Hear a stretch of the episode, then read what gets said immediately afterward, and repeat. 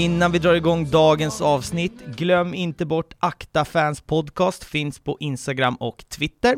Glöm inte heller patreon.com slash aktafanspodcast, där kan du gå in och stötta podden lite extra. Glöm inte heller att ge podden fem stjärnor i eh, din poddspelare. Jag har sett att ni har varit jätteduktiga och tryckt fem stjärnor. Jag är eh, supertacksam för det, men ni som inte har gjort det, gå in och gör det och lämna gärna en kommentar också. Det gör att fler hittar till podden. Som jag sa förra veckan så är tiden inte min eh, bästa vän just nu så här i juletiden när man jobbar i butik, så att jag har faktiskt inte hunnit skriva ett intro den här veckan, men vi har sjukt mycket att prata om ändå, så att vi, vi kör bara. Välkommen till Äkta Fans podcast, Kristine. Hej! Hur är eh, läget med dig? Ja, nej, allt är bra. Mycket innan jul bara, eh, men annars rullar det på. Härligt att höra. Det som vi, vi kommer ju bli kloka här på idag och det vi ska säga så här innan, vi kommer ju få höra en liten blandad dialekt på dig. Du kommer prata någon slags, eh, jag vet inte, svengelska är det om man svart, pratar svenska och engelska. Jag vet inte om det finns någon sån kombo för svenska och norska, men eh, vi ska försöka så gott det går att prata svenska idag, eller hur? Ja, ska i alla fall prova så får man hoppas alla fattar vad jag säger. Vi kommer förklara, du sitter ju här i studion och spelar in med mig, så vi, vi kommer ju gå igenom resan och vad, vad fan du gör i Sverige när vi pratar om ett, ett, ett norskt lag, men eh, dit kommer vi liksom komma senare i, i, avsnittet och hur jag faktiskt hittade eh, dig så. Men eh, det, jag vill veta från början är bara så att, eh, ja men eh, din supporterresa, hur hittade du Vålerenga från början? Vart startade allt liksom? Allt startade väl hemma faktiskt. Eh, uppvuxen med en pappa som är från Oslo. Eh, så han eh, har alltid eh, hållit med Vålerenga. Eh, så för mig så blev det ju naturligt att intresset började ju där då. Sen han åkte ju på fotboll och så. Mm. Sen eh, ja, så fick man ju börja gå på fotboll själv när det väl var dags. Och mm. att han inte behövde hålla mig i handen hela tiden längre. Men, men du är väl uppväxt en bit, vi, vi skojar om det här innan vi trycker på direkt, du är uppväxt i typ Norges Degerfors. Eh, alltså det var jag som drog liknelsen, men, men berätta lite, vart, vart var du uppväxt någonstans? Eh, jag är uppvuxen på en plats som heter Raufoss, eh, ungefär två timmar ifrån Oslo. Eh, det är ett industriområde, eh, så Eh, det är ju inte väldigt många olika arbetsplatser. Eh, du jobbar där eller så önskar du kanske bli fotbollsproffs då, för det är en stor satsning på fotboll på här, den här platsen. Mm. Fast de kanske inte gör det jättebra inom fotbollen själv, men det är mycket fokus på fotboll där och de vill ju utveckla spelare där. Mm. Så eh, har ju ja, haft fotboll i mitt liv helt sedan jag var liten då. Då är inte referensen till Degerfors helt dum ändå. De har ju typ alla jobbat på bruket och sen eh, har de en grym talangutveckling. Så antingen blir du fotbollsproffs eller eh, knegar där liksom. Men eh, du har en sjukt häftig första match. Eh, berätta om det liksom du, du växte upp med fotboll, jag gissar på att det fanns en halsduk och du förstod liksom färgerna, vilka, vilka färger som gällde, det förstod du väl innan din första match, men, men eh, liksom första gången du får komma in på, på arenan och se Vålerenga, berätta om den upplevelsen och vad du kommer ihåg liksom. Ja, det var ju jättestort. Eh, det var ju februari 2004. Eh, fick jag följa med för första gången, var ju jättespänd eh, innan. Ja, man köpte ju mössa utanför och köpte ju halsduk och grejer. Det är ju väldigt viktigt, eh, de här grejerna när man är amen, mindre. Amen. Ja. Eh, sen så fick vi vara på långsidan för att sitta på matchen. Bara in, innan vi kommer dit, alltså första, kommer du ihåg ditt första minne liksom? Alltså alla har ju de här klasserna, man knallar ja. upp för några trappor, när liksom, så ser man gången hur det öppnar sig och när du bara får komma in, liksom första blicken in på arenan, för då gissar jag att, kommer du på vad sa du, du var på kortsida första gången eller? Nej, på lång, ja, lång, lång sida, yes. och då kollar man vänster, höger, borta, klack. Alltså, bara, försök sätta ord på den liksom, känslan. Ja men precis, eh, det är ju eh, precis så som du beskriver, det här när man kommer upp och sen så ser man ju bara hela arenan, det är ju jättestort, för Vålerenga har ju spelat en lång period på nationalarenan, så den är ju stor. Mm. Och speciellt kanske på långsidan för då får du ju se hela planen från det här hållet och allt känns väldigt stort när du är åtta och ett halvt år. Mm. Du själv är ganska liten. Allt blir ju jättemassivt. Det är så mycket folk. Ja, Vålerenga spelade eh, mot Newcastle. Eh, det var eh, Europa League. Så det är en stor match och det var ju full arena. Eh, full Kan tänka mig att det var ett gäng fulla engelsmän på någon kortsida också. det, det finns det nog en stor risk för. Ja, det här var ju, alltså 2004, då var ju fortfarande, alltså engelsmän är ju fortfarande röriga när de är ute i Europa och åker på landslag än idag, men 2004 var de ju helt alltså tokiga. Det var ju precis, det måste vara i samma veva typ som med Green Street Hooligans-filmerna och alltså så, och första matchen, engelsk motstånd. Jag kan tänka att det var en rörig match. Eh, hade varit kul att uppleva som, alltså som vuxen eh, nu, men också häftigt att få uppleva som åttaåring kan jag tänka mig. Absolut, jag ska önska jag kunde uppleva det idag och kunna åter eh, lite mer än vad jag kan göra nu då. Nu blir det ju mer bara minnen och lite Ja. vad man har sett på bilder och så för ja, det, det var ju väldigt stort och ja, hela den upplevelsen. Eh, jag blev ju så förtjust i det här livet eh, så tidigt. Mm. jag, ja, jag ville ju bara åka hela tiden. Ja. Jag ville på varje match. Jag hade hittat min grej. Nej men, eh, och det har vi väl landat i många gånger, det, det är en häftig upplevelse om inte annat. Sporten i sig är väl, det är kul att kolla på fotboll, men man fattar ju mer av supporterskapet kanske än vad man gör av, av, av själva fotbollen. Men, men jag tänker lite så här att vi ska ta det lite kort, för att jag tror att många som lyssnar har ganska bra koll på på liksom Sverige och sådär, man har ju sämre koll på, på, på Norge. Jag, jag kommer berätta sen vad jag trodde Vålerenga var i, i, i Norge också. Jag trodde typ det var, men, de som låg efter Rosenborg, att det var samma, men det, det kommer vi också konstatera att det, det var en bra bit ifrån sådär. Ja. Eh, ti- titlarna, det regnar inte titlar över, så, så kan man ju säga. Nej, inte mycket titelsregn i huvudstaden i Norge alltså. Nej, men eh, om man tar lite arenan, fram till 99 så lirar ni på Bislett, heter det så? Ja. Eh, Min norska är sådär. Bislett stadion, Mm. alltså arenan då. Och, och, och, och sen från år 2000, då, nytt millennium, då får ni spela på nationalarenan och det är där du, du ser din, din, din första match he, helt enkelt. Be, berätta lite, jag har aldrig varit där, man har sett när Sverige har varit där och spelat någon EM eller EM-kval eller något sånt där, men berätta lite om den eh, arenan liksom. Eh, ja, den eh, arenan den ligger ganska nära tunnelbanan. Mm. Den har en ja, pizzarestaurang utanför och sen så är det en annan restaurang på andra sidan eh, vart borta fansen kan få Mhm. sitta. Man serverar ju inte alkohol eh, på idrottsarrangemangen i Norge. Ja, det är sjukt, vi, kom, vi kommer komma till det. Jag det här det är nästan det som chockade mig mest, alltså med det, för jag tänker, alltså om jag tänker Norge, jag tänker mycket idrott, men jag tänker så här vintersport, att det inte är folk som står och kollar på typ skidor, står och dricker Jägermeister, det måste vara så jävla tråkigt att stå och kolla på liksom långfärdsskidor i fyra timmar och inte ens få vara lite smygfull. Det, ja, men ja, vi kommer gå in och prata sen, det kommer vi ta lite slutet med just de här kontrasterna mellan mellan eh, Sverige och Norge, men det som ni har här, i alla fall fram till 2009, att ni delar arena, Lynn, eller hur? Yes. Eh, vi delade våran, eller inte våran arena, men nationalarenan Ja. med Lyn tidigare. Eh, och då fick man ju ja, spela varannan hemmamatch. Mm. Och där spelade vi ju till, eh, med dem tills de åkte ner Mm. eh, till sjätte division. Ja, de gick i konkurs då. Yes. I 2010 så gick Lyn konkurs. Okej. Och det var ju kul för oss. men Men man kanske saknar derbyt också? Ja, det gör, gör, ja, man gör ju det. Man har ju fått spela några matcher mot dem i cupen då. Det är stökigt, men eh, det blir ju inte detsamma då. Nej, och det blir väl lite en sån situation som typ, eh, men så här Rangers Celtic i, i Skottland, där, där supporterna, alltså skulle AIK gå, gå i konkurs imorgon så är det inte så att jag hade slutat gå på Gnaget bara för att de spelade mot liksom Hagsätra eller mot eh, BK Badboll eller whatever. Jag hade ju gått oavsett vilken division det är. Så supporterna finns ju kvar fast eh, divisionen är så låg. Så det måste vara jävligt kul att få möta dem i kuppen när de ligger så fyra divisioner under och det är samma supportrar som man liksom mötte innan de gick i konkurs, tänker jag.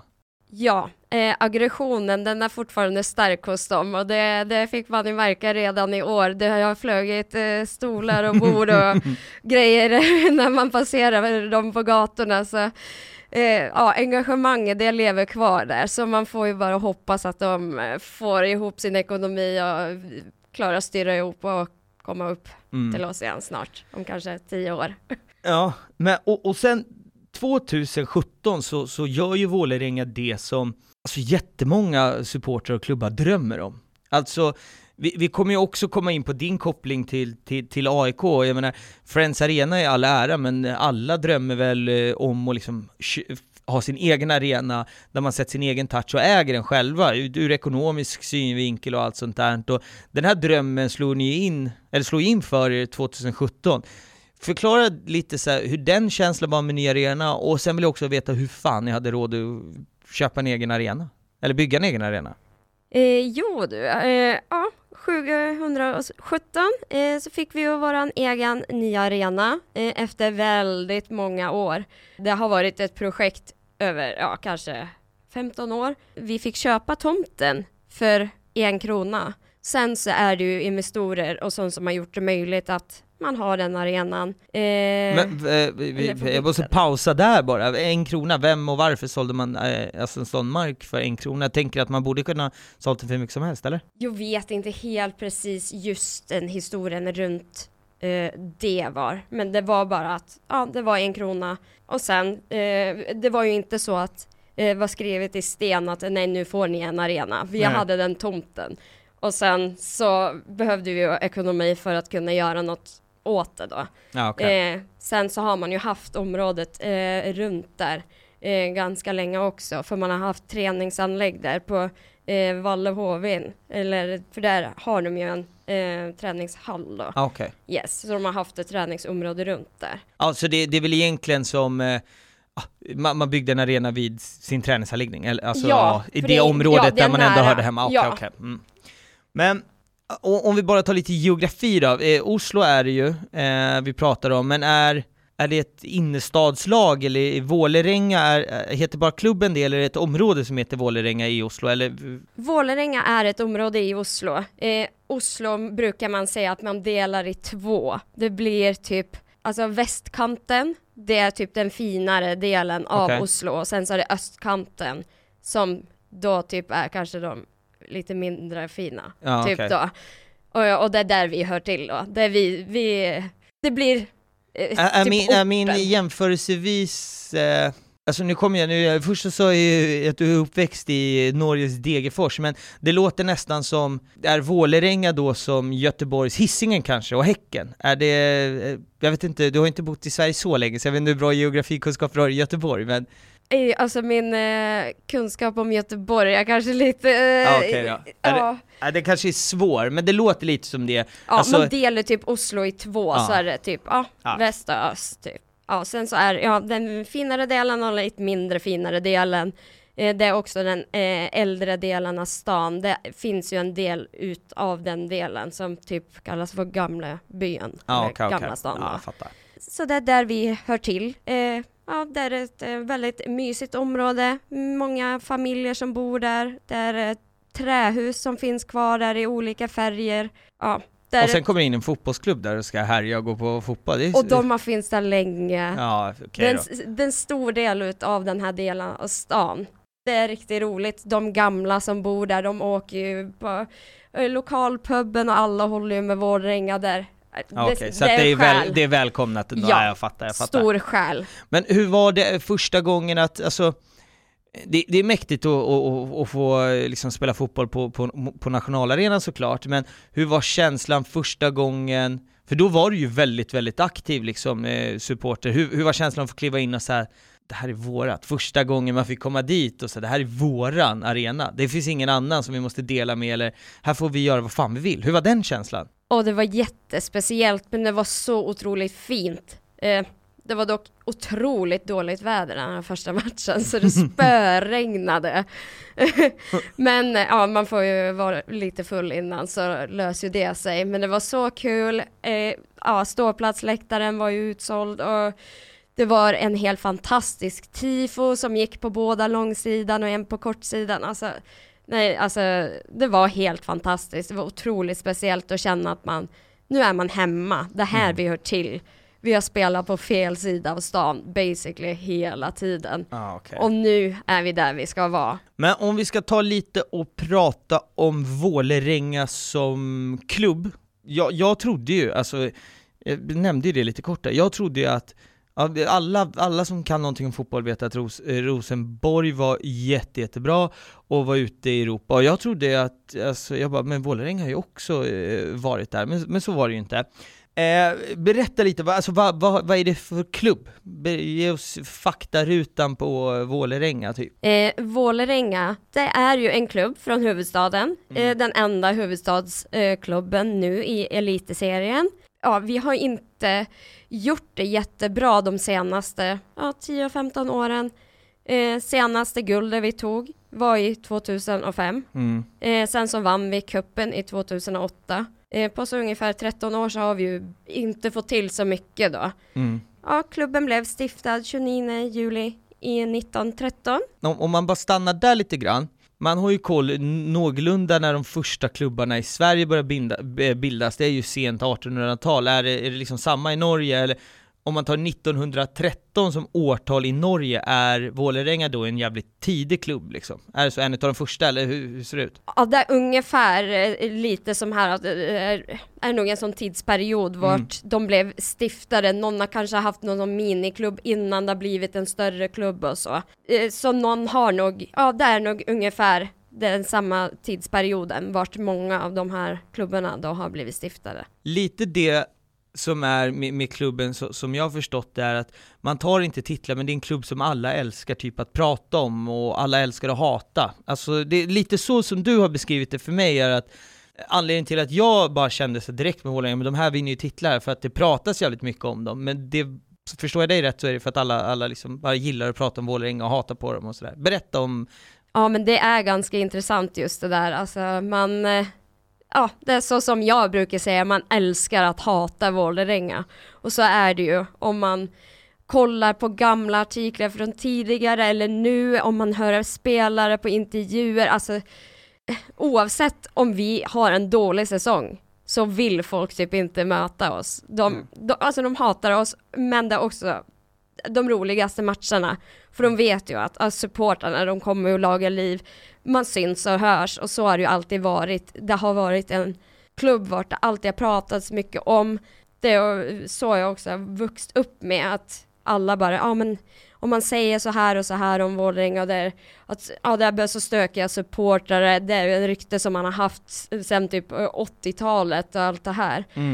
Eh, så det är väldigt intressant. Alla säger väldigt mycket men vi är ju inte ett stort hot sportsligt till vanligt men det är ju mer att ibland så kanske man jag ryser till då för att Nej men eh, det, det, det var också en, en nyhet för mig, men en jävligt intress, intressant eh, grej och det, det är väl så det finns väl flera sådana klubbar i, i, i Sverige om man ska dra den kopplingen, det är väl lättast för de som lyssnar.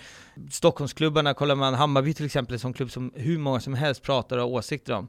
De har två titlar i, i, alltså någonsin, men det är ändå en klubb som berör, som många bryr sig om och, och, och så vidare. Och samma är det väl, just den här hatdelen är väl, den går väl eh, eh både för dig och mig väldigt mycket att jämföra med eh, ja, mitt lag och, och, och ditt andra lag AIK. Alla älskar ju att hata AIK liksom, oavsett om vi, när vi har spelat i Superettan eller om vi vinner guld. Så det, det är väl eh, mycket liknelser där helt enkelt.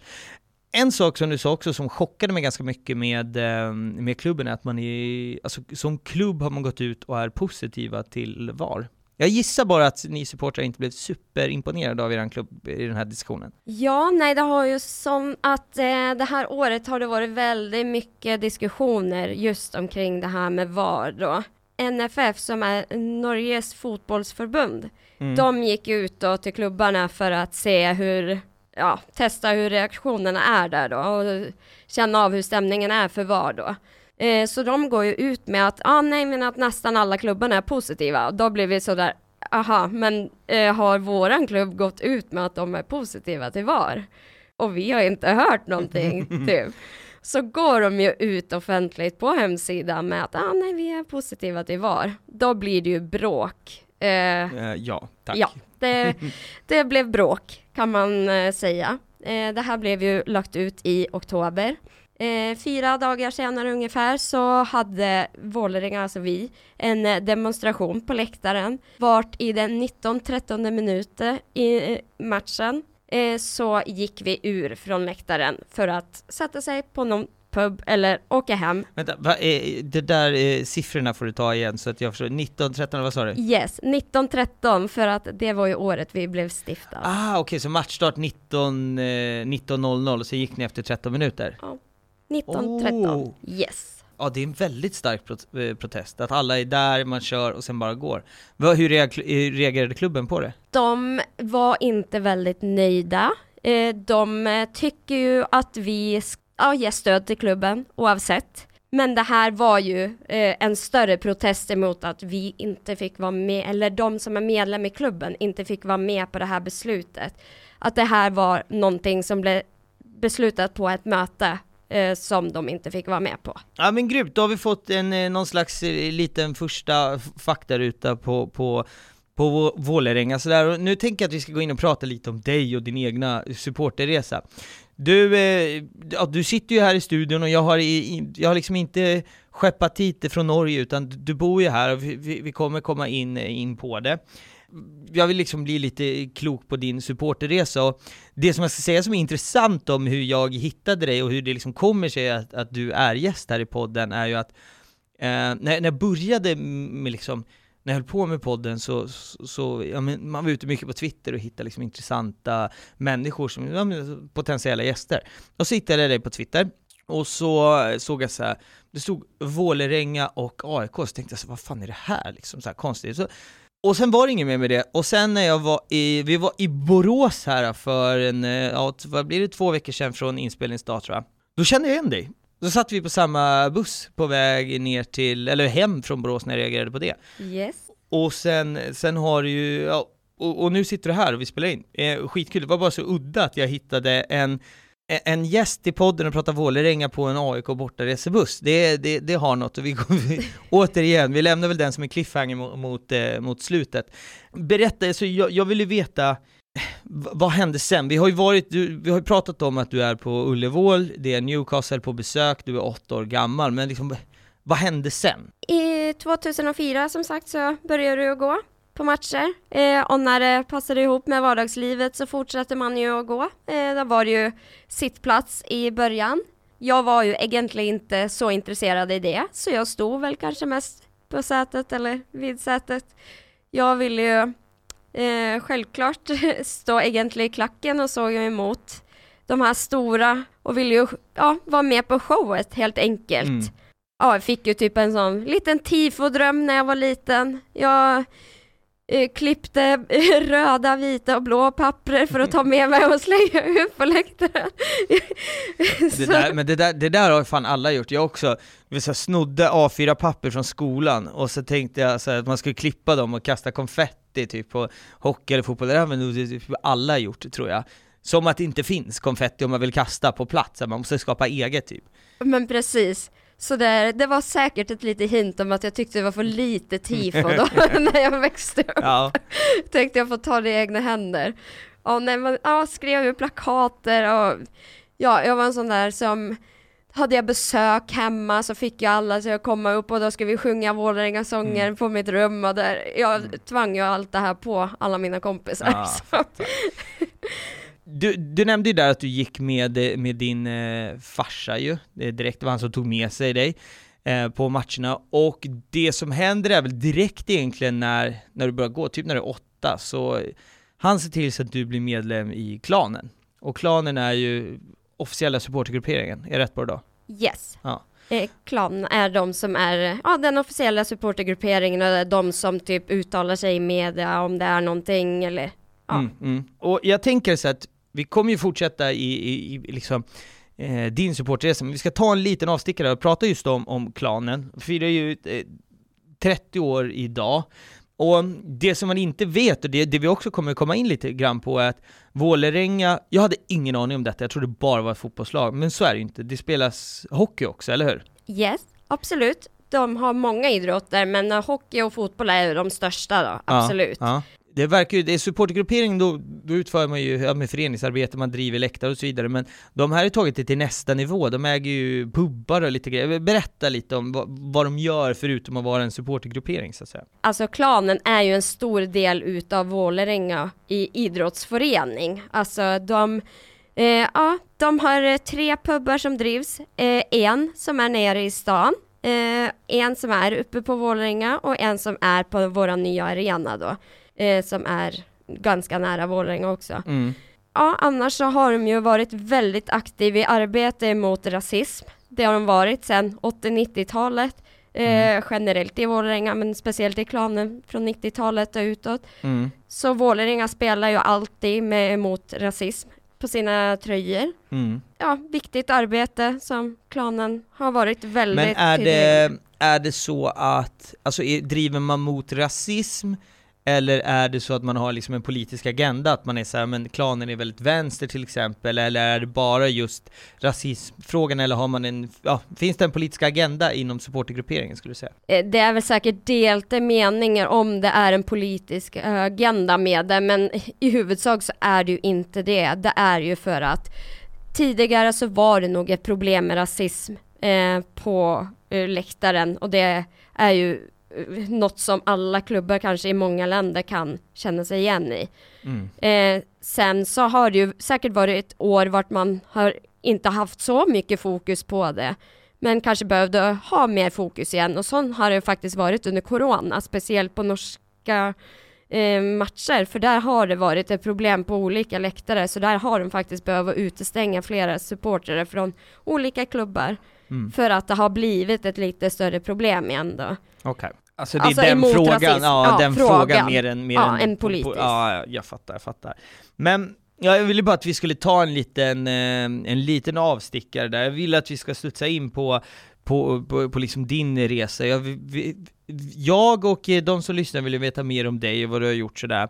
Du, börjar, du berättar ju det här om att ganska direkt när du kommer in på, på sittplats så, så du längtar ju efter tifo, du längtar efter klack, du vill, du vill eh, leva kulturen och du förstår ju det här i väldigt ung ålder och du får väl en typ två år på, på sittplats och sen bara, jag bara gissar på att du bara tjatar ihjäl din farsa att nu ska vi stå på ståplats.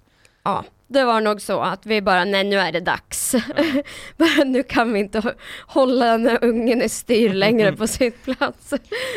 Nej, eh, ståplats kan ju vara som en dagis, det är bara att släppa. Alltså, så, det är en, alltså många, speciellt, jag, jag hoppas att det sitter föräldrar och lyssnar på det här som inte vågar släppa sina ungar på, på, på fotboll och hockey eller vad det än må vara. Det finns ju fan ingen, alltså det är en hur trygg plats som helst, för alla är likasinnade i princip. Det är bara, kids tar ju alla hand om liksom.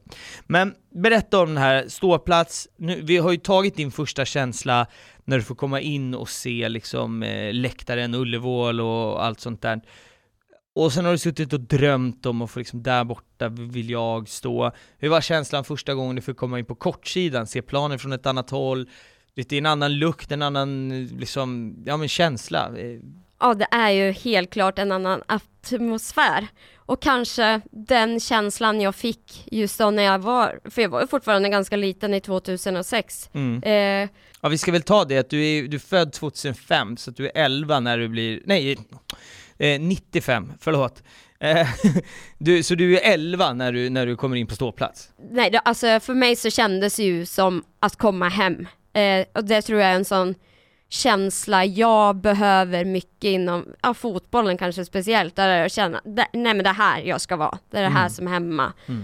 Och där har jag nog, ja, jag har alltid känt mig hemma där och bara, ja, jag vet vart jag ska gå, jag vet vad jag kan göra, jag vet vad jag kan säga. Och, ja, man bara, eh, fast man då inte kände många eh, folk, Mm, mm. så kändes det så hemma att alla bara var en familj. Ja, jag fattar. Och det här går ju några år, du är fortfarande som sagt du är 11, 12, 13 år här, men sen Sen börjar det bli dags, att inte kanske dumpa farsan, men det blir ju så, alla som har gått på fotboll, man kommer ju till en viss ålder när man är så här, man vill eh, utforska sina, liksom, ja men, och gå på matcher själv, och man, man lär känna lite folk, och det här sker ju för dig någonstans i 15-16 års åldern, inte sant? Absolut. Jag har, bor ju fortfarande på landet, eh, men det är ju faktiskt eh, något roligt som händer där också, för de har ju en arrangerad supporterbuss ifrån vart jag bor då ungefär. Mm. Eh, ja, som åkte på diverse matcher när det var nog folk då som var påmälda på de här matcherna. Så då var det som sagt dags att säga hej då till pappa och börja åka lite själv. Eh, var ju jättekul, eh, så mycket roliga matcher, folk i alla åldrar. Eh, ja, det blev ju långa kvällar, alla som har åkt buss, om det är en bortaresa eller vilken Mm. buss det är. Det tar aldrig den tiden det tar in till stan, det tar ofta lite längre tid. Ja. Men- Suttit i bussen en kvart och sen är det någon som sa 'Pisspaus!' Ja. Ja. det är alltid den, ja. Alltid. Jajamän. Eh, och sen så kan man ju räkna med på hemresan att eh, ja, en motor börjar brinna eller någonting. Ja, det, Mm. Så man får stå där mitt på, i natten och vänta på någon taxi. Ja, för fan. Det, det händer. Men en, en, en fråga som bara dyker upp hos mig nu, som, som, som är diskuterat i andra avsnitt tidigare, att läktarna idag är väldigt eh, extremt blandat. Det är äldre, det är yngre, olika kön, etniciteter och så vidare. När du, ja, vad pratar vi för år, när du är 15-16, det här pratar vi kanske 2011, 2012. Hur vanligt var det att det satt en ensam 16-årig tjej på de här bussarna? Ja, det var inte många av dem, det var väl mig. Ja, det var så. Ja, Och hur, det hur blev det. det mottaget, alltså hur, hur var det då? Det, så, så är det ju, det, det har man varit ärlig med, alltså fotboll för tio år sedan så var det absolut inte lika mycket tjejer som, som stod i klacksektionerna som det är idag, där har ju fotbollen tagit jättestora kliv, men hur togs det emot liksom, att, nu gick ju inte du på fotboll i, i, i Sverige på den tiden, men, men hur var det liksom? Alltså hur blev du mottagen av, av de egna i, på, på ståplats liksom och sådär? Nej, alltså det var ju alla de här gamla tanterna som alltid typ är på sådana platser också, inte att det är något fel, men eh, det var ju inte väldigt många på min ålder som kanske ja, engagerade sig på det här nivået mm. just då.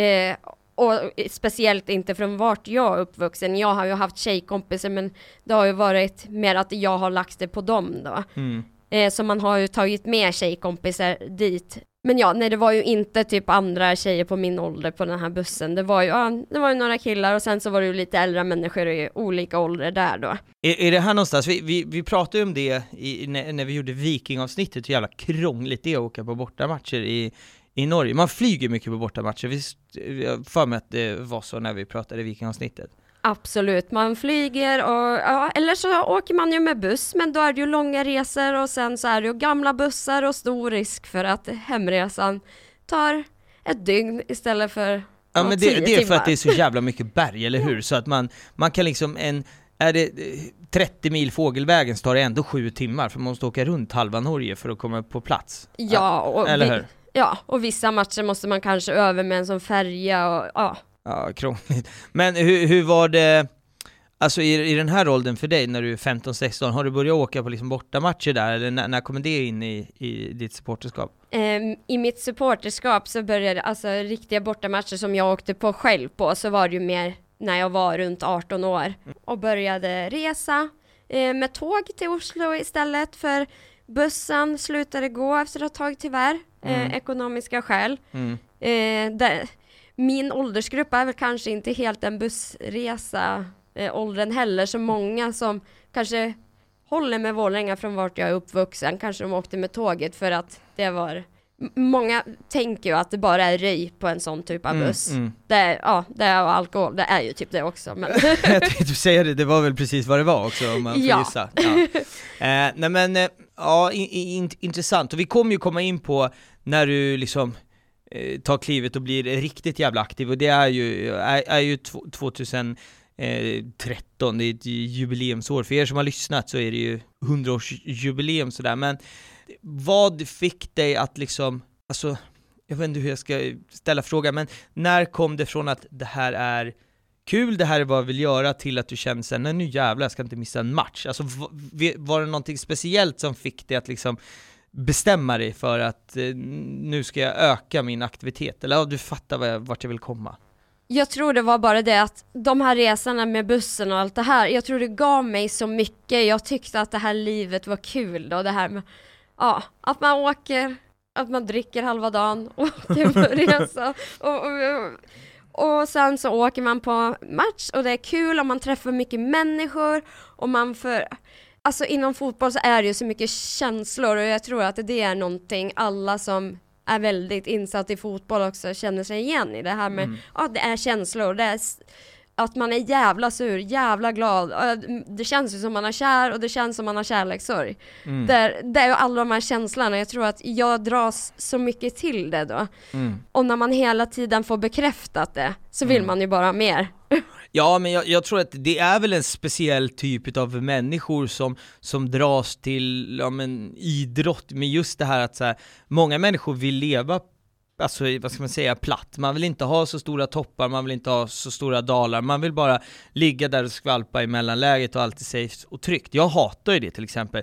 Alltså, jag vill ibland vara skitledsen, skitförbannad eller deppig, för då vet jag att när jag är glad så är jag så inåt helvete glad och allting är så fantastiskt. Alltså, det är det man får i, i, i idrotten och, och supporterskapet, att man får topparna och dalarna. Och jag, jag personligen väljer ju det alla dagar i veckan framför att leva liksom platt, så att säga. Absolut. Där, eh, och där alla människor när man får träffa där ja, fotbollen blir så mycket mer än bara fotboll. Man älskar det här laget ihop och man hittar någon som ja, är som dig då. Mm, mm. Där. Det är en Ja. sån gemenskaphet. Det är Ja, den man verkligen, söker. verkligen. Vi kommer ju in på det här jubileumsåret, det ska firas 100 år, men, eh, och då tänker man ju att nu går alla supportrar ihop, nu jävlar ska det vara kul tillsammans och nu är det bara glada miner, men eh, så blev det inte. Här någonstans så startar ju ett, liksom interna stridigheter i klubben som, som jag har förstått finns idag, men som har svalnat, men som egentligen har har eh, liksom eh, funnits med klubben länge. Berätta, vad är det som, alltså, vi har ju pratat om klanen, officiella supportergrupperingar, sen finns det ultrasgrupperingar och det är de här två som inte riktigt drar jämnt. Berätta, vad, vad, vad händer? Vad är starten till allt? Ja, nej, alltså det har ju över tiden generellt varit ja, motgångar och medgångar eh, för supportrarna, så är det och så eh, är det nog i många lag. Men det var ju väldigt tråkigt att det just i 100-årsjubileet faktiskt skulle verkligen dras igång. Det började med att vi flyttade eh, klacken eh, från den kortsidan eh, på Gaza som vi kallat eh, våran eh, ståklack. Sen eh, flyttade vi till långsidan för de ville samla alla ihop på långsidan för att få till något riktigt bra där under jubileumsåret Ja, okej. för att fylla hela långsidan. Mm. Men det blev ju inte riktigt så.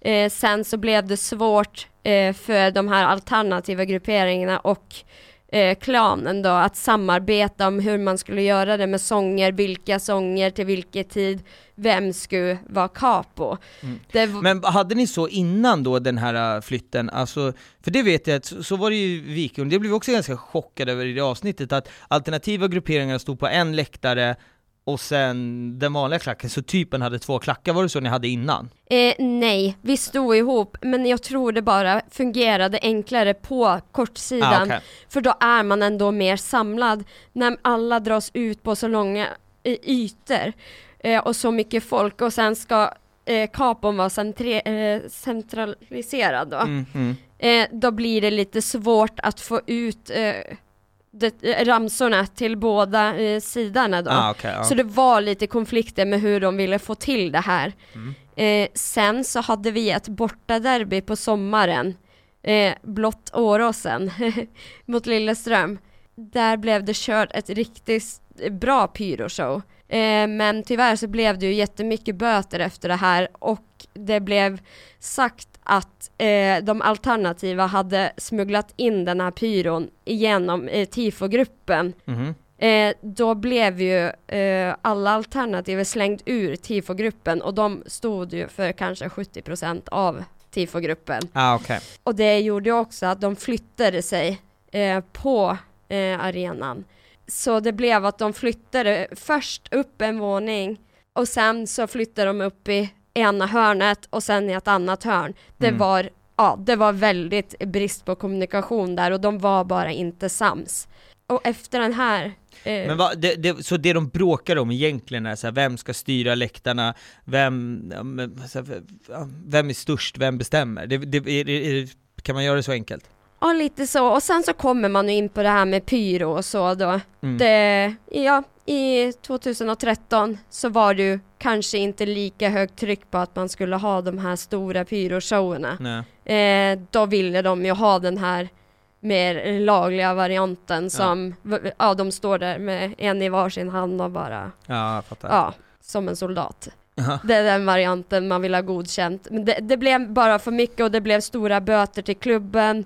Eh, klanen eh, tyckte inte det var nice. Ja. Eh, vilket man kan ju förstå det. Och det blev bara en stor konflikt då, ja, runt pyro. kanske speciellt då som, och det här kommer man ju lite in på det här med generation och grejer. Mm. Eh, den generationen som var i klanen då och styrde, de eh, ville nog inte ha den här mer yngre eh, versionen hårdare- av hårdare liksom. läktarkulturen. Ja, fattar. Ja. Okej, så det här är egentligen här var- vart det någonstans här starta eller vad man ska säga, och sen har det ju här det, ni har inte riktigt fått ordning på det, inte ens idag som jag fattat eller? Alltså, hur fortsätter konflikten då? Eh, konflikten, eh, den fortsätter till året efter och vi får flytta, eller eh, de alternativa får flytta till kortsidan. Eh, jag väljer det här efter jubileumsåret och inte mellan mig in i klanen igen. För jag eh, inte står för den här exkluderingen. Ja. Eh, det är väldigt viktigt för mig det här att ja, man kan ha olika åsikter men man kan inte börja ja, exkludera folk för att de menar något annat än en själv och kanske speciellt inte när man ser då att kanske konflikten beror ju på ett åldersskillnad då. Nej. Att man faktiskt måste sätta sig ner och enas i slutet och att man kan inte alltid tro att man är bättre än alla andra och jag säger inte heller att det är så det var men eh, Men, man, men någonstans är väl det alltid så att kommer det in nytt ungt blod som vill göra, ja men lite annorlunda eller vill utvecklas så, så Alltså någonstans så, så, så här, man måste fan lyssna på dem oavsett vad man tycker eller inte, för en dag så kommer så kommer generationsskiftet ske oavsett om man vill det eller inte, för till slut kommer någon bli för gammal, någon skaffar tre barn och en hund och köper hus någonstans, alltså det blir ju så att de unga kommer ju ta över till slut och man liksom det är väl viktigt att kunna sansas, för alla är väl där av samma anledning, eller hur? Men absolut, Eh, och så är det ju. Eh, I 2016 så eh, började de alternativa också med trumma. Var de inte väldigt glada för heller i klanen, för Nej. klanen har alltid varit väldigt anti-trumma. Och det ledde ju till också en konflikt. Det har bara varit väldigt mycket konflikter så vi fick ju stå på den här, ja jag kom på, det var 2015. Eh, då fick vi i alla fall stå där eh, i frid ett tag. Eh, sen så blev det ju så här i 2016 efter det hade varit mycket böter med pyron eh, under det här året eh, så blev det ju till att för att stå på en sjungande läktare så behövde du vara medlem i klanen. Och sen så efter ett Mm. tag så kunde du vara medlem av klubben för att få stå där, annars så fick Men du vadå, sitta. alltså för att komma in på klacksektionen så var, var du tvungen att vara medlem i supportergruppen? Ja, du var tvungen att vara medlem för att kunna få stå och sjunga, annars så ville vakterna komma bort att säga till att nej du får sätta dig ner och vara tyst typ. Men va, va, va, va, alltså, oj, oj oj oj. Eh, är det så att, alltså hur löste man det här praktiskt? Var det så att för att komma in på en sektion så var du tvungen att visa din biljett och ditt medlemskap? Ja, det var du. Det här kom ju efter ja, det hade varit mycket böter och det var bara en stor konflikt vart jag tror att klubben och klanen var lite emot de alternativa. De, de ville inte ha det här.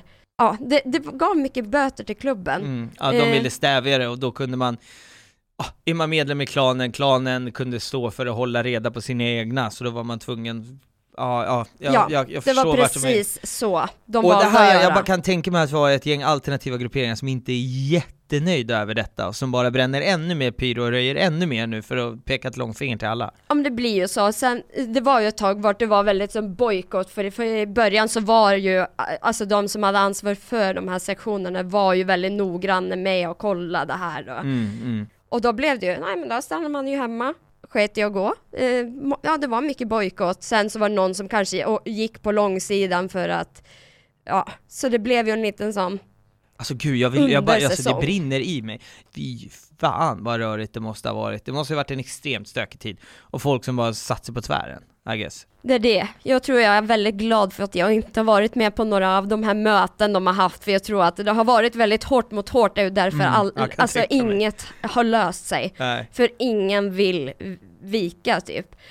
Så ja, det var många år vart det, det var bara inte bra. Och, det, och vi började ju känna väldigt hårt på det här att vi behöver att hitta ett hem. Vi behöver Ja. hitta en plats vart vi ska vara och att man kan, jag vet inte, börja om på något sätt då. Ja men det är väl det som låter nu, nu, nu Alltså nu är ju det här några år bak i tiden och vi ska väl ta oss till vart vi är idag, men det känns ju som att alla bara behövde liksom vad heter det när man blåser rent en dator? Fabriksåterställa alltihop och börja om från scratch. Men absolut. Och sen så hade vi ju i 2014 den, en stor insamlingsaktion för att uh, rädda klubben. För de gick ju 22 miljoner i minus mm. efter jubileumssäsongen. För den var ju katastrof. Vi kunde ju riskerat att åka ner för vi hamnade ju på 11 plats. Så det var ju ingen bra säsong. Och sen, ja, så man, det var ju ja, Investor och supportrarna som räddade Vålerenga mm. från att gå konkurs. För det såg inte bra ut. Mm. Och efter ja, eh, lång tid med ekonomiska problem mm. och så stor splid inom eh, supportergrupperingarna så behövde vi hitta hem helt enkelt. Mm. Och vart, eh, alltså som jag förstått så är alla är väl kanske inte bästa polare idag, men det är väl ett bättre klimat idag? Är jag rätt på det då? Ja, det är precis så. Eh, när vi fick våran arena eh, och hade våran första match i september 2017, då hade det börjat bli lite bättre. Vi fick börja öva lite på våren med att typ hitta ett sätt för att alla ska vara nöjda med hur det blir med, med sång och grejer. Mm. Och sen så kom vi på ja, Vålerenga stadion, eller Intility Arena som den heter då juridiskt sett. Ja.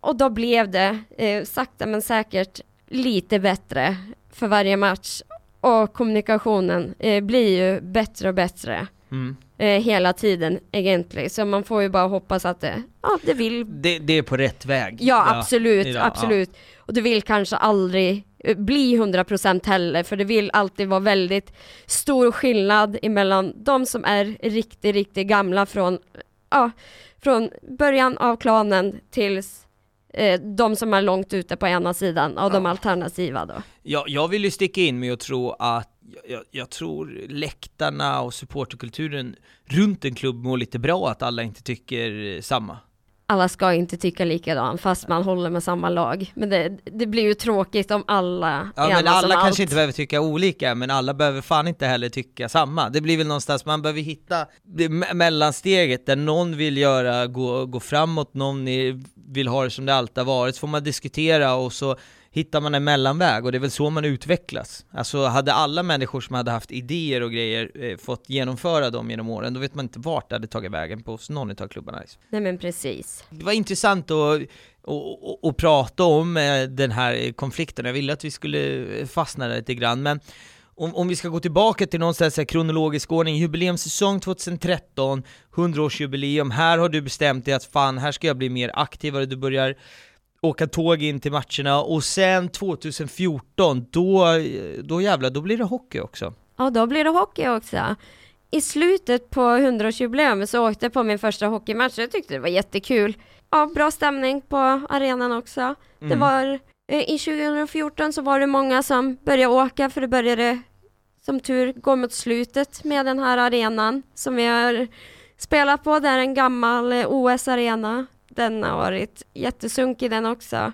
Så det var många som faktiskt åkte och vi gjorde det ja, helt okej. Okay. Mm.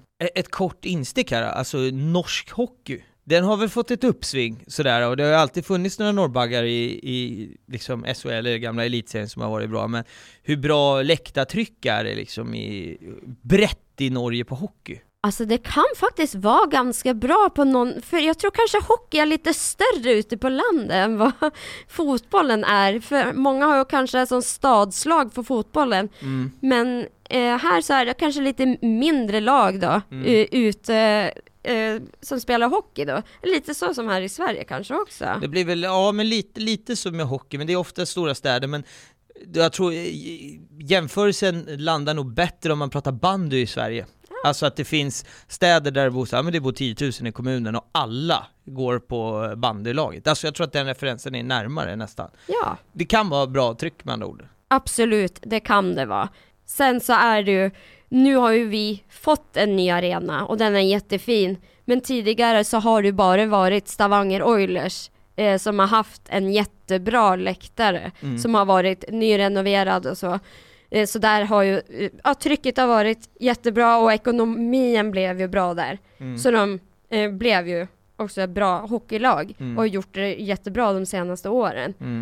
Eh, men det kan absolut vara bra drag på hockeyn. Nu är det ju lite svårt eh, att jämföra med hur det ser ut nu då. Mm. Eh, för nu är det ju på grund av allt med restriktioner och Ja, så. såklart, såklart. Ja, intressant, det var kul att få in lite, lite hockey också, det är ju trots allt en, en klubb med, eh, alltså e-, en klubb som håller på med många sporter. Vi ska gå in och prata lite away days, du och jag. Jag har sett fram emot att åka på lite bortamatcher i Norge här. Först och främst så tänker jag att vi ska starta med din första bortamatch, det är klassiska Lillehammer, nu sitter många äldre och lyssnar och kittlar till när de hör Lillehammer, och jajamän, det är där Foppa gör sin Foppa-fint i OS 94. Berätta, där var du 2006 och då är du 11 år gammal. Ja, då var liten första bortamatchen, en cupmatch. Eh, den vinner vi ju 6-0, borde ju göra det för det här är ju lite lag på landet. Eh, ja, det, men det var ju jättekul och det var ju jättestort för jag var ju fortfarande ganska liten och man får ju stå så nära på spelarna, fick ju stå bakom inbytarbänken och grejer. Jag stod väl och typ pratade hål i huvudet på de här typ keepertränaren och så. Jag tyckte det var så otroligt roligt. Ja, Ja. så man startar borta karriären tidigt. Det, men det blev inte många bortamatcher i tidig ålder då tyvärr. Nästa, jag vet inte, det här är inte en bortamatch, det här är väl eh, flera bortamatcher med just känslan av att åka till stan. Vi ska prata lite om eh, Rosenborg, och du la väl den bästa, eh, liksom när du förklarade vad det är Rosenborg i Norge, och det blir väl tyvärr då för en själv som är aik här får man säga, det är ju Norges MFF. Ja, det blir ju så när eh, det är ett lag i Norge som har fått tagit så många titlar genom tiderna. De har gjort det bra i Europa också, eh, tjänat bra med pengar. Så de var ju överlägsna i många, många år. Hade Så- de inte tio, år, eh, tio raka år i Champions League-gruppspel va? Ja, Jag det, det. kan faktiskt stämma. Mm. Eh, ja, de var jättegoda och de låg ju långt fram för alla ekonomiskt. Mm. Eh, så det blev ju alltså en liga om att få silvret. Ja. Guldet, det var ju kört ändå. ja. Två helger i Trondheim har du skrivit upp, berätta. Jag har varit på två derbyn där uppe. Det är ju ganska långt upp från Oslo. Eh, så man flyger upp dit, tar en hel helg och man är ett bra gäng där uppe och man, ja, det blir ju en helg med mycket alkohol och andra roligheter som sådana helger. Och alltid med. torsk gissar jag på. Ja, alltid torsk. Det, är- alltså man åker ju inte för att man tror man kommer vinna, men man vet att resan kommer vara rolig. Det, det, det, det är därför man reser. Man kommer ha det Jajamän, kul.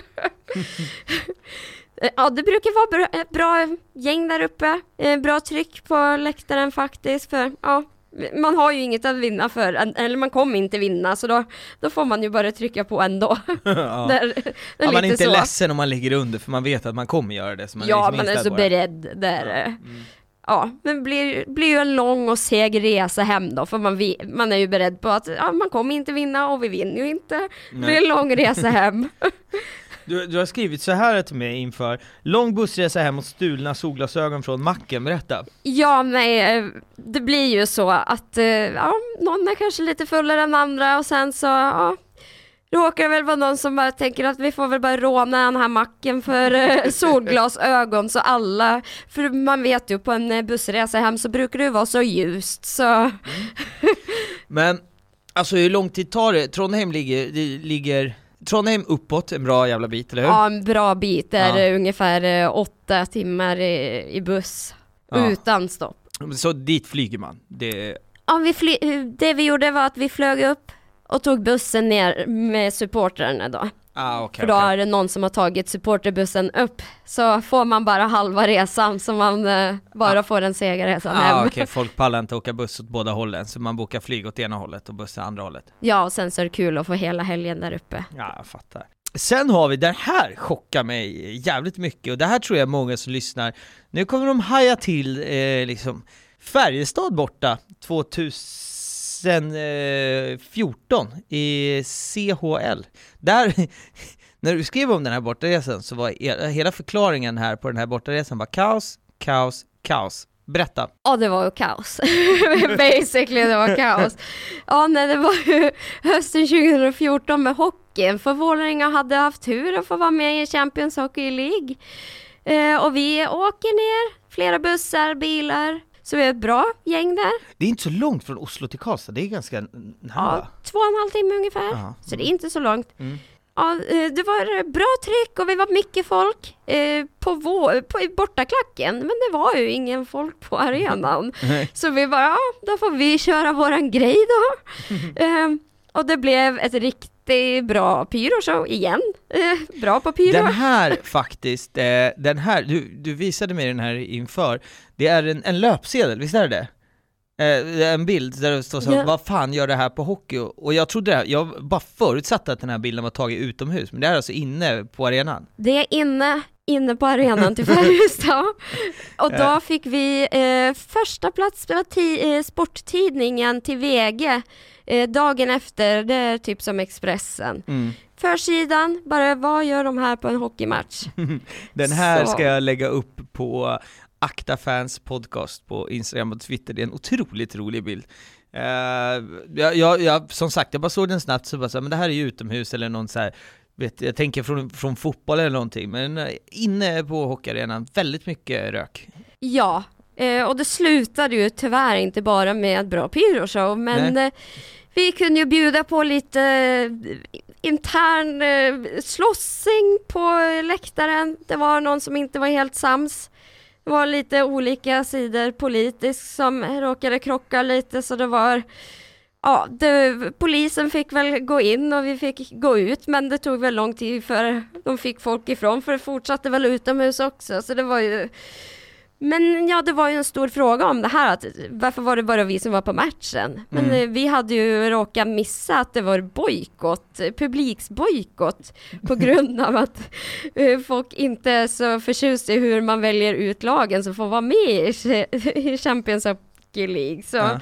Ja, Ja, så ni hade bommat den helt och bara, "Åh, fan vad kul bortamatch, vi drar, och sen eh, var det bara ni där. ja vi, ha, vi hade missat rejält. Det var, jag vet, kanske var 40 Vi behöver inte- personer där. Ja, vi behöver inte skylla på, eh, på, på dig här, men ja, eh, kul ändå. Kul att få in eh, alltså Färjestad borta i ett, så, som jag trodde inför Vålerenga fotboll, så trodde jag inte vi skulle hamna i Sverige och, och hockey. Det eh, överraskade mig glatt sådär. Är det någonting mer med den matchen som du känner att vi, vi, vi ska ta upp, eller ska vi stänga den matchen där? Ja, vi kan nog stänga den. Grymt. Sen ska vi prata om eh, Lilleström. Vi kommer komma in eh, snart och prata om rivaliteter. Du nämnde ju där tidigare att eh, ni delade ju Ullevål tillsammans med Lynn fram till 2010, eller? Yes. Mm. Och det blev väl, så, som vi har valt att uttrycka i alla fall, det, det gamla derbyt. Lilleström blev det nya derbyt. Och Lilleström ligger lite utanför Oslo, en gränskommun, är, är jag rätt då? Ja, men precis. Ja. Du vill inte räkna med det här i away days riktigt för att det är typ inte en bortamatch, det är 10 minuter tåg, men vad fan, jag, Eh, går, jag på Tele2 Arena så är jag på bortamatch fast det är närmare hem än, än liksom Friends typ, så att eh, kör! Det är, vi ska Lilleström borta 2019, take us away. Ja, eh, Lilleström 2019. eh, det var, eh, jag var nykter på den här matchen eh, av eh, ganska Ja, då låg... vill du inte höra något, nej jag. Nej, av ganska logiska skäl, för jag hade faktiskt opererat eh, mina halsmandlar en vecka innan. Okej. Så jag borde ju faktiskt inte varit på plats, för man ska inte sjunga och hoppa och grejer då, för eh, Men det är borta derby, så vem bryr sig? Ja men det var det, det var, det var Lilleström borta, klart skulle jag gå oavsett. Jag var ju faktiskt inte död så mm, klart ska man vara på plats. Eh, och där ville man ju vara. Mm. Eh, det var jätteroligt, eh, det var så mycket folk. Eh, ja det var ju jättemycket bengaler, det var ju riktig show som vanligt från båda, båda sidor. Alltid riktigt bra när vi möter Lilleström, är ju Norges största derby. Och sen så den här matchen utvecklas ju att, ja det var väl kanske lite aggressiv ton. Eh, så polisen fick väl stå där och vara, ja, barnvakt halva matchen kanske. Och det slutar ju inte när matchen är över heller. Eh, Matchen blev 0-0 så det var ju inget att fira, det var inget att vara arg eller jäkla glad över. Nej. Eh, Men det fortsatte ju för eh, på Åråsen, vart Lilleström spelar, så har de ju någonting väldigt intressant och roligt som jag tror aldrig skulle finnas här i Sverige. Men bakom borta eh, läktaren så är det lägenheter inne på den här arenan med balkong emot bortaklacken. Så de kan stå där över och jiddra med bortaklacken. Alltså du kan stå på din balkong hemma? Ja, oh. Ja, Det här vet jag faktiskt att de har, det finns en arena som jag vet att de har det på, för där har jag varit och det är i Eskilstuna. Då har de ett lägenhetshus där man kan, eh, där man kan sitta på balkongen och kolla på matchen. Jag vet också att när Bayern spelade, om det var kuppen mot Eskilstuna, när det var eh, restriktioner att ingen fick se, så hyrde folk i det huset ut sina balkonger för skitdyra pengar. Så de tog in typ så här, ja, fyra bajare hyrde en balkong för så här, jag tror att det var Bayern för så här, ja men ni får betala tusen spänn på huvudet för ni sitter och krökar på min balkong och kollar på matchen. Eh, Det var, jätte, det var flera sådana balkonger som gjorde det. Det är det enda jag vet. Men okej, eh, fortsätt. Folk står och jiddrar på balkongerna med er. Ja, nej för det, det har ju varit ett problem för många lag faktiskt, men kanske speciellt i våra matcher, de står ju där och, och de vill ju få till något skit. Det är ju gärna sådana äldre gubbar, det är ju inte, det, det, det är inte ultrasgrupperna som har lägenhet där. Men i alla fall så de, eh, men på något sätt så råkar det flyga en kruka med en blomma och en dartskiva ner på arenan. så vi serverar ju en bengal upp igen då. Eh, Men In i någons lägenhet alltså? ja, upp på balkongen då. Den som här ska man inte skratta åt, folk hade kunnat dött alltså. Men, ja, ja, ja, fortsätt. Ja, eh, nej så det var ju riktigt kaos. Eh, ja, för det blev ju kastat ner sådana grejer, men de gick ju också i tidningen en dag, e- dagen efter och sa det här att eh, det var vi som hade börjat kasta grejer. Men det är ju vanligt att ta med sig en dartskiva och en kruka med en blomma på match. Där lär man ju få komma in i, med visiteringen liksom. Ja, ja, ja. Helt klart i bakfickan. Mm. Ja, nej, så det var ju en, eh, ja, en eh, bortamatch man eh, verkligen kommer ihåg. glada miner sen efteråt och polisen är ju superimponerade på er när ni ska därifrån och, och så vidare och så vidare va? Ja, alltid imponerade över oss. Ja, äh, men eh, grymt, ett fantastiskt eh, eh, away day, så det, det som vi har pratat om, du, du är lite inne och nämner på Alltså vi, vi nuddar ju både Lilleström och, och, och, och Lynn här, så jag tänker att vi ska gå in och prata lite rivaliteter, för att eh, det har man ju koll på i Sverige, vilka som är rivaler, men jag har sämre koll på det i, i Norge. Men vi, vi nämnde ju Lynn som det gamla derbyt, och det av sina förklarliga anledningar, det är väl ett derby nu också, men ni spelar ju inte i samma eh, serie helt enkelt. Hur var de med matcherna och hur ser rivaliteten ut? Hur såg den ut när ni spelade i samma liga och hur ser det ut idag? Ja, nej men tidigare som sagt så var det ju våra derbylag number one. Alltså man hatar ju Lyn, de är från den finare delen av stan. Alltså vi ja, dricker öl och slåss, de dricker vin och ja, kollar TV, jag vet Så det, det blir ju så, det, alltså när man är från samma stad så blir ju det naturligtvis rivaler, för Mm. man står ju för helt olika grejer och är från samma stad och spelar för det samma, eh, emot det samma målet. Så det var ju tråkigt att de åkte ner och jag minns ju tyvärr inte så mycket från den tiden heller. För Nej. jag var ju för liten. Mm. Eh, så Men, men så egentligen, den rivaliteten byggdes mycket på liksom men klasskillnader egentligen, det är väl så som ja, jag... kanske lite, men sen så är det ju det här med att, ja, huvudstadslag, Ja. ja, och man spelar ju mot detsamma. Och så det blir ju naturligt att det då är derbyt. Mm. De går ju i konkurs som sagt, och då får man ju leta efter liksom vad är nästa? Och då kommer ju in, som du själv säger, det är Norges största derby och det är när Vålerenga spelar eh, mot eh, Lilleström. Eh, Du har ju precis berättat om, om en sån match, men kan du liksom utveckla rivaliteten? Var kommer den ifrån och, och hur ter den sig liksom på, på, på matcher och på stan sådär? Jag har faktiskt provat undersöka lite vart det här startade och det var faktiskt på 70-talet för Vålerenga vann en match som gjorde att Lilleström inte tog guld ett år. Okej. Så det startade med att då, då var de väl inte så nöjda med oss då. Sedan, ja vi var ju nära, alltså ett lag som är nära Lilleström ändå. Mm. Eh, så det var väl då, alltså hat har ju kanske alltid varit. Då, Lilleström, vi ser ju upp på dem som bönder. Eh, Ja, okej. ja, och de hatar vi ju, vi hatar ju bönder. Det är ju så, allt utanför Oslo är ju landet. Ja men den känner man väl när man hejar på en Stockholmsklubb också. Det blir ju lite sådär alliant att man har den liksom övertaget eller hur fan man ska uttrycka det liksom. Men precis, och sedan om de då är från landet så tänker de bara nej men alltså stadslagen åt helvete med ja, dem. fattar. Så det har väl bara byggt sig upp och sen, och så är det lite, när man, man vill ju alltid ha någonting att hata på. Det blir ju så, när man förlorar den där, alltså ja, våran lillebrorsa åkte ner till eh, sjätte division. Då Ja. behövde vi något nytt och då, då var det Lilleström som fick ta den Eh, Du som idag går på fotboll i Sverige, eh, återigen, vi lämnar det som en cliffhanger så många gånger i avsnittet, men vi, vi kommer ju komma dit, men hur skulle du ranka om du ställer upp ett Djurgården-AIK, eller AIK-Djurgården, hur skulle du ranka ett Vålerenga-Lilleström, alltså om du jämför inramning? Går de, alltså, står de i jämförelse med varandra eller? Hur ser det Alltså, det blir, alltså, vi vill ju aldrig kanske vara på det svenska nivå just för att i Sverige så är det ju dubbelt så många människor som i Norge. Så vi vill ju aldrig få eh, lika många på matcherna. Eh, vi vill aldrig få 50 000 på ett derby eller 40 000 eller 30 000. Eh, det vill ju bara fylla en av de här små läktarna. Eh, eh, våran arena tar ju ungefär 16 000. Mm. Så man vill ju aldrig få något mer än under hälften Nej. så st- storleksmässigt så vill det ju vara en stor, stor skillnad. Men ändå så är det ju samma principerna. Det är ju mycket för det här visuella. Man vill ju sjunga hela matchen igenom.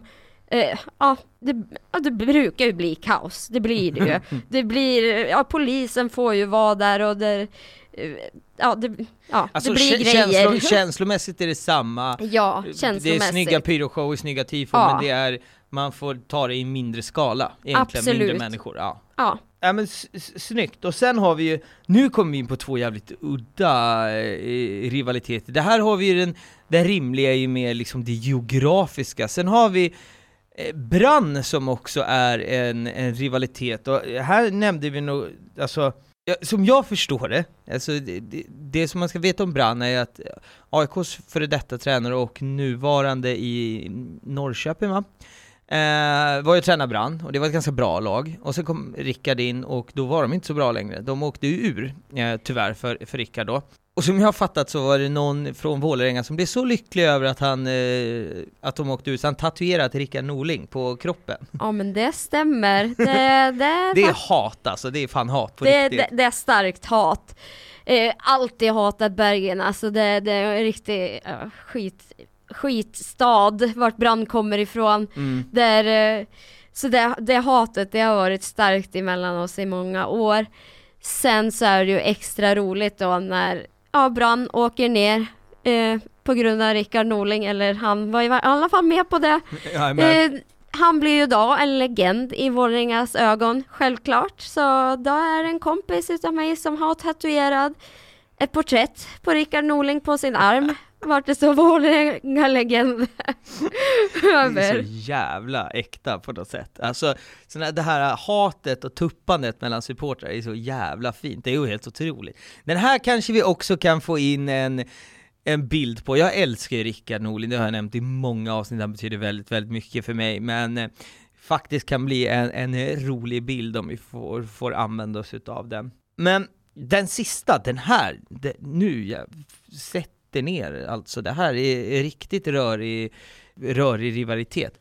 Molde, jag bara försökte, innan vi tryckte på Rex, så försökte jag bli lite klok på vad fan det här kommer ifrån och det är eh, en vicekapten som har blivit, ja alltså berätta det här själv, det här var riktigt rörigt. Ja, nej det, det är ju faktiskt ett lag som eh, hela supporter-Norge, eller ja i alla fall alla förutom Molde själv då, har ja, kunnat börja hitta citat för då, helt enkelt. För De har ju råkat ha en tidigare vicekapten som har varit i rättegång för en sovvåldtäkt. Eh, han fick eh, ja, vara vicekapten under den här utredningen av saken. Eh, under Ole Gunnar Solskär. Det har ju gett mycket reaktioner innan rättegången. Och sen kom rättegången eh, och han blev inte dömd men han behövde ju betala den här tjejen eh, pengar då för det här som har hänt. Så det har ju, eh, de har helt alltså, enkelt de har tvekat. Sig, alltså de har typ förlikat sig, han pröjsar och sen läggs det ner? Ja, typ. Det är mer att vi kan inte bevisa att du har gjort det men vi tror du har gjort det, typ. Okay. Men alltså, jag, jag vill bara förstå det här rätt nu. Han är alltså anklagad för detta, han ligger under utredning, klubben i fråga backar upp honom och kan få fortsätta vara aktiv vicekapten och spela matcher när han alltså är under utredning för en våldtäkt? Ja, det får han. Eh, och sen så blir ju saken klagat upp, för de vill ju ha saken upp igen, för de menar ju att det blev fel resultat. Mm. Eh, då rymmer han ju från Norge till länder som inte kan ge han tillbaka till Norge igen. De alltså har utan ingen, utlämningstillstånd? Ja, de har ingen avtal på det. Eh, så, ja, ju, han agerar ju väldigt skyldig här eh, spontant när man flyr landet och har pröjsat för det. Ja, och i efterhand så har det ju kommit flera anmälelser på han på just sådana här saker och han vet det ju men han vägrar ju komma hem hit eh, och man förstår ju, förstår ju varför. Och Solskär har ju också bojkottat ett medium i Norge för att de har omtalat den här saken eh, så pass mycket. Okay. Eh, för eh, det är dåligt publicerat för honom. Ja, ja, jag fattar. Men okej, okay, eh, bara här är det ju, nu, om ni trodde att vi är färdiga så är vi inte det. Bara här är det jävligt rörigt. Molde i det här fallet gillar ju inte den här dåliga publicitet som de har, och blir då förbannade på att, jag gissar på borta supportrar som kommer dit har ju diverse banderoller, det är ju öppet mål för att ha ganska grova banderoller. Och då blir man, det, så vill man inte ha det, så man börjar visitera på ett litet speciellt sätt. Ja, eh, vissa fick ju dragit in sina banner och sen så började de ju sätta upp tält för att, eh, ja, ta lite intimvisiteringar av folk för att få tag på pyroteknik och sånt. Eh, och nu har du tyvärr blivit eh, mer av det under hösten eh, och det blev faktiskt någon som blev nakenvisiterad inne på ett rum inne på arenan av polisen eh, för eh, bara några veckor sedan. Jag fick faktiskt se en liten video på detta innan. Alltså, jag vill bara att eh, för er som lyssnar och även för mig själv, alltså att vi bara tar en sekund och landar i vad, det här, vad som händer. Inför nu ska vi se, det var precis innan eh, pandemin kom så var det ju mycket diskussioner i Sverige med villkorstrappa och så vidare att det skulle vara jävligt mycket intimare visitationer för, eh, ja, men för, för att begränsa pyrotekniken, och det blev ett jävla liv i Sverige. Alltså, då, då skulle de ha rätt att klämma på liksom könsorgan och på bröst på kvinnor och sånt där. Och det, det, AIK var ett av de lag som fick sa aldrig i livet. Alltså så, det var många klubbar som ställde sig emot det, jag har bara min referens att dra närmast liksom. Men här så får man gå in och sära på skinkorna om man, och visa om man har bengaler i rumpan. Det, det är så som jag förstår det, att det är va? Precis, det blir ju så när du blir taget med på ett rum ensam in, och de stänger dörren och polisen utanför vägrar ju svara på frågorna som man kan se på den här videon tydligt. Alltså det måste gå fort att bara alltså, se om någon har gömt en, så, alltså ja. Eh, ja det är typ, alltså det enda om man ska nakenvisitera det enda stället är ju om man har tryckt upp den i, i, liksom, i röven. Det är det enda, så det, ja. Tänk er själva att gå på fotboll och eh, de behöver ju heller inte ha någon speciell misstanke för det här. De kan bara random select you och ta in dig i ett rum så får du stå så på skinkorna i liksom i ett nordiskt land när du ska gå på fotboll. Är, även i Norge så, mm, så kan man bli man behandlad som boskap när man vill eh, gå på idrott, som jag förstår det. Ja, tyvärr. Eh, man blir ju lite rädd för den utvecklingen då, helt enkelt. Det vi ska, vi ska ta bara ett, eh, ett litet skutt och, och prata om lite skillnader på norsk och svensk fotboll, för det finns ju några sådana eh, alltså, no, några sådana skillnader. Dels, man får inte sälja alkohol på några eh, eh alltså idrottsarrangemang, inte ens 3 Nej, ingen, ingen öl ingen, ingen alkoholfri öl säljer de ens inne på arenan. Där, ja, det är läsk. Va, va, vad är argumentet? Eh, argumentet är väl det här att de vill väl inte ha alkohol på idrottsarrangemanget på grund av vet, eh, barn och alkoholism. Ja, okej. Men det här betyder ju, alltså det enda är att folk super betydligt mycket mer innan matchen, alltså folk är ännu fullare. Eh, absolut. Och sen så, eh, man känner väl till det här vart eh, alkoholen är lagligt, att det flyter ju på med små jägerflaskor istället. Jag känner mig träffad, jag i Borås. Herregud. Ja. Köpte en cola och sen hällde i fem små Jäger, sen höll man sig varm hela matchen, det är så man jobbar då. Men precis. Så det är, eh, ja, det är, eh, alkohol det blir det nog av på matchdag oavsett. Men eh, det hade ju inte skadat att få njuta en Nej. öl inne på arenan. Ser du några skillnader på supporterkulturen Norge-Sverige nu när du upplever liksom supporterkulturen här i Sverige? Ja, alltså naturligtvis är det ju som jag har sagt det här med, ja, det är mycket flera folk här. Mm. Eh, fotbollen har nog blivit större här eh, också. Tycker det är lite tråkigt för vi har ju stora profiler i Norge eh, för tiden. Men det verkar vara mer intressant med typ alltså när landslaget spelar än när, eh, en, när det är klubbfotbollen. då.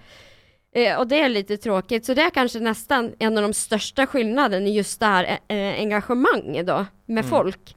Alla är ju väl, alltså folk är fotbollsintresserade i Norge, men det är Premier League som gäller då, mer än vad det är kanske sitt lokala lag. Ja, jag tror de nästan är mer intresserade att sitta på lokalpuben och eh, kolla på Liverpool, alltså än att gå och kolla på, ja, Haugesund, Viking, eh, Brand, Vålerenga. Mm. Mm. Tyvärr, eh, det är eh, en liten dålig eh, publikutveckling i Norge då, Mm. om man kommer på det här med supporterkulturen.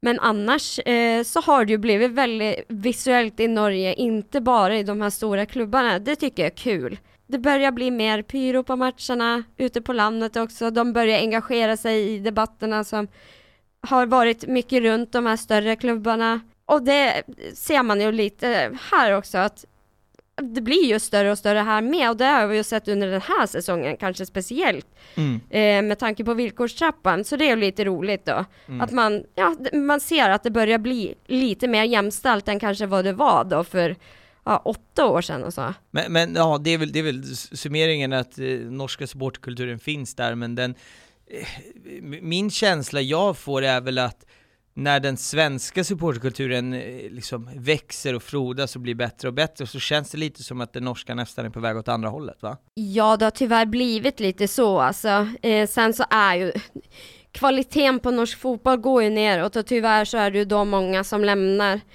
l- lämnar läktaren. Många är medgångssupportrare och det, det är ju jättehemskt. Så är det ju kul i alla fall om de som är engagerade och alltid är där, Mm. eh, om de får rekryterat flera. Eh, det är ju ett arbete man bara måste jobba hårdare med för att rekrytera att folk ska vara kvar då. Sen ska vi också ta det här, du sitter ju trots allt, vi sitter ju och pratar om ett norskt lag, men du sitter ju här. Du gör en flytt, skall vi se om jag är rätt, typ ett och ett halvt år sedan så går flytten över. Yes. April 2020. Vem, alltså, alla flyttar ju till Norge, för där tjänar man pengar, vad flyttar man till Sverige för? Alltså, jag, jag älskar Sverige, men alltså, här, var, varför gick flytten hit? Jag var väldigt trött på min vardag i Oslo faktiskt, otroligt nog. Alltså, eh, jag älskar ju fotbollen, det är ju mitt liv där. Eh, men jag kände väl lite att det kanske var det enda typ jag hade som var jättebra där just då. Ja. Eh, och kanske behövde nya utmaningar och jag älskar ju den här klubben men jag vet ju att eh, man, alltså, man hittar alltid hem igen.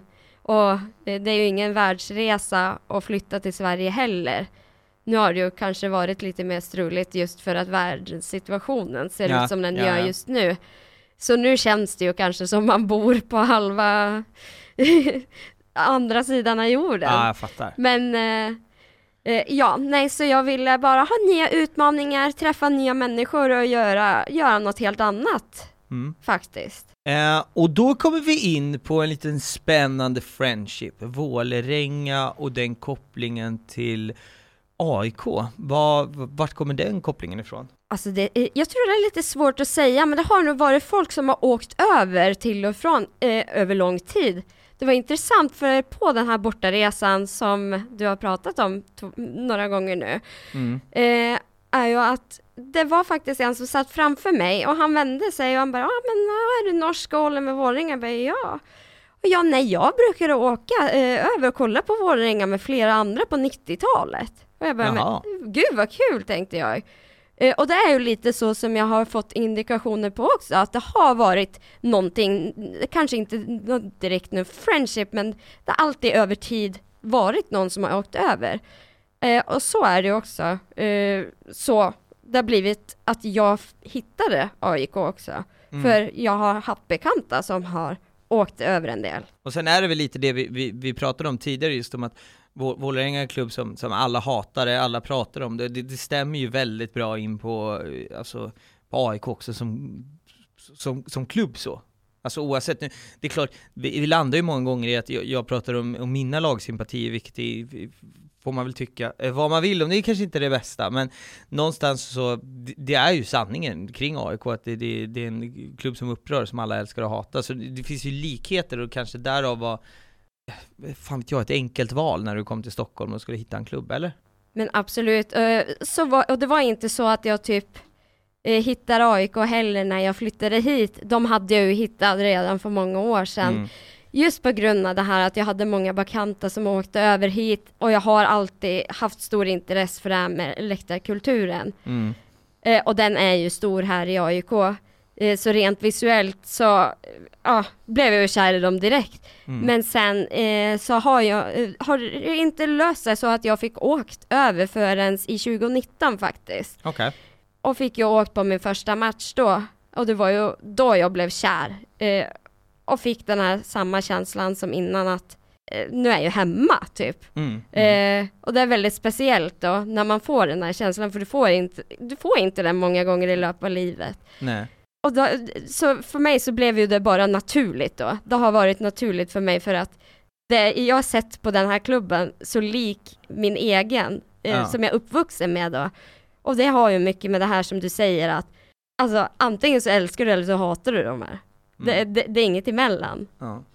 Och någonting som jag verkligen fastnade för som du skrev till mig som, det blev så här poetiskt nästan. Du skrev att din pappa gav dig Vålerenga och du gav pappa AIK. Berätta.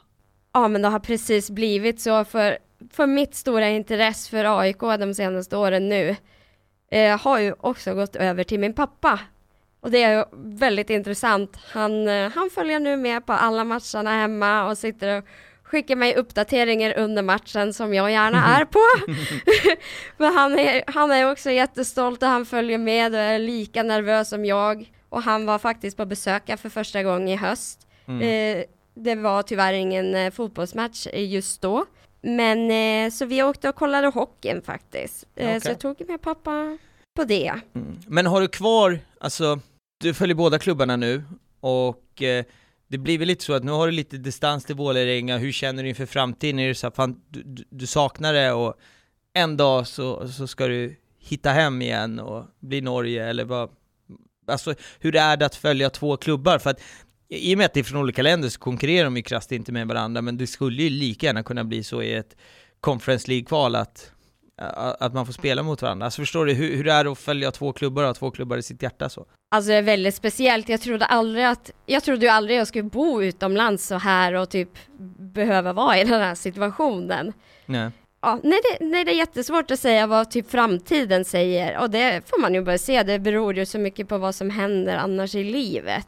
Men alltså hjärtat mitt ligger kvar i, i, Vålerenga, i Oslo. Så är det ju alltid. Mm. Och det, det, är ju alltid det som vill vara hem, hem. Mm. Eh, och jag följer dem ju eh, tät, så tätt som jag kan härifrån då. Mm. Eh, och jag var eh, på match hemma där i somras när det var öppet. Det uppskattar jag ju, få åka hem mm. eh, och se, eh, och se alla. och det var, jätte, nej, det var jättekul och det, det ger mig ju mycket det här med fotbollen jag har byggt upp någonting där så det gör att det känns som igår när man kommer hem då. Ja, jag fattar. Äh, intressant, jag ville bara bolla upp det med dig för jag tycker att det är en intressant och eh, en, unik, eh, en unik situation du sitter i sådär. Det, nu ska vi göra ett hopp, är du beredd? Eh, ja. Från, eh, från din koppling till AIK till Vålerenga Sealfuckers. Det här vet du nu, det här är ett hopp av Guds nåde. Berätta, det här är en lite oväntad friendship med, med, li, mellan Lilleström och Bayern och det här mynnar ut i i uh, Vålerenga Sealfuckers. Vad är detta? Vad kommer det här ifrån? Jo, nej, alltså det är ju ganska roligt då. Eh, förra året eh, så var det en gammal Vålerenga och Jan Hammarby-spelare som var till salu och det var båda Vålerenga och Hammarby vill ju gärna ha hem han här. Eh, han har ju gjort det rätt bra. Vi eh, pratar om Kjartansson alltså? Ja, Vidar Örn Kjartansson. Amen. Yes. Alltså det var ju lite, jag vet inte, lite jidder på Twitter en period där, vart alla typ, ja, man vill ju ha han hem då, men mm. sen så blev det ju till att han valde att åka hem till Vålerenga då. Då var det ju någon eh, som blev lite sura och skrev någonting om att Ja, oh, nej vadå, vi är ju bara eh, sälknullare. Eh, så när de skulle göra intervju med Kjartansson i efterhand av den här signeringen. Uh. Så berättar de ju för han det här då, att det är någon som har skrivit att vi är sealfuckers då, på Twitter. Uh. Så i efterhand av det så har vi ju fått en fin liten logga med en säl vart det står Vålerenga sealfuckers 2020 på då. Helt fantastiskt. Och det är ju väldigt typiskt dem då, de blir ju så besvikna. Så ja. Det låter också, Vålerenga Sealfuckers låter som ett så här, det skulle lika gärna kunna vara ett NHL-lag eller något så det, det, det, ligger bra i munnen, sjukt nog. Ja, äh, ja, intressant. Du, vi är på sluttampen här, äh, vart en fantastiskt samtal. Är det någonting som du känner att vi liksom har missat eller som du vill lägga till eller putta in här som du känner i din historia eller i Vålerengas historia? Nej, alltså jag känner att jag har fått sagt mycket och det, det, viktiga för mig är att bara typ få fram vad fotbollen kan betyda. Mm. Eh, det behöver inte just vara en klubb eller, men det är bara den här känslan. Men för mig så har det råkat att bli, ja i huvudsak Vålerenga och sen så här, har jag haft så tur att få hitta min andra kärlek i AIK också. Mm. Eh, och det, jag tycker inte det är något stort fel med det och jag tror heller det inte är så stor risk inom kort att vi kommer möta AIK för Vålerenga, vi njuter av sjunde platsen vi. Amen, vi trivs amen. där bäst. Jajamän. Eh, innan vi tar eh, poddens sista fråga så vill jag bara till er som lyssnar det är ju trots allt så här att eh, de senaste två avsnitten har eh, jag har med nöd och näppe fått ihop dem tidsmässigt. Eh, studion kommer att stänga här över jul och eh, mellandagar och så vidare, så att det kommer att bli ett litet, eh, jag kommer ta lite jullov eller vad man ska säga, lite julledigt, så att jag återkommer på sociala medier när, eh, eh när eh, jag är tillbaka egentligen med, med nästa avsnitt. Och sen kommer jag också gå ut med, eh, vi har ju haft en tävling i eh, Allsvenskan Fantasy där vi har tre vinnare. Jag har förlagt priserna någonstans, jag ska jaga rätt på dem och så kommer jag kontakta er. Så, så det är väl det jag vill ha sagt sådär eh, innan vi ska ta poddens sista fråga. Så jag undrar egentligen, vad är supporterkultur för dig? Supporterkultur för mig, det är engagemang, eh, gemenskaphet, det är eh, det visuella, det, är ljud, mm. eh, alltså, the fire. alltså, ja, det, det, är det det är för mig, mm. faktiskt. Mm. Härligt. Och eh, för er som lyssnar, glöm inte Akta Fans Podcast på Instagram och Twitter, eh, patreon.com slash aktafanspodcast. Ge gärna podden fem stjärnor om du tycker att den är fem stjärnor, släng iväg en kommentar och jag är så jävla tacksam att ni lyssnar, det betyder jättemycket för mig. Eh, tack för eh, den här veckan och nu får vi faktiskt fan säga tack för det här året. Vi har gnuggat på ordentligt. Eh, vi hörs igen i nästa avsnitt hörni. Ha det fint, tja! Ja, hösten var som klarast en september eftermiddag Strömmet skevnen ut små gnister på Vålerenga Du gick ut och till kvinna och till man om att kärka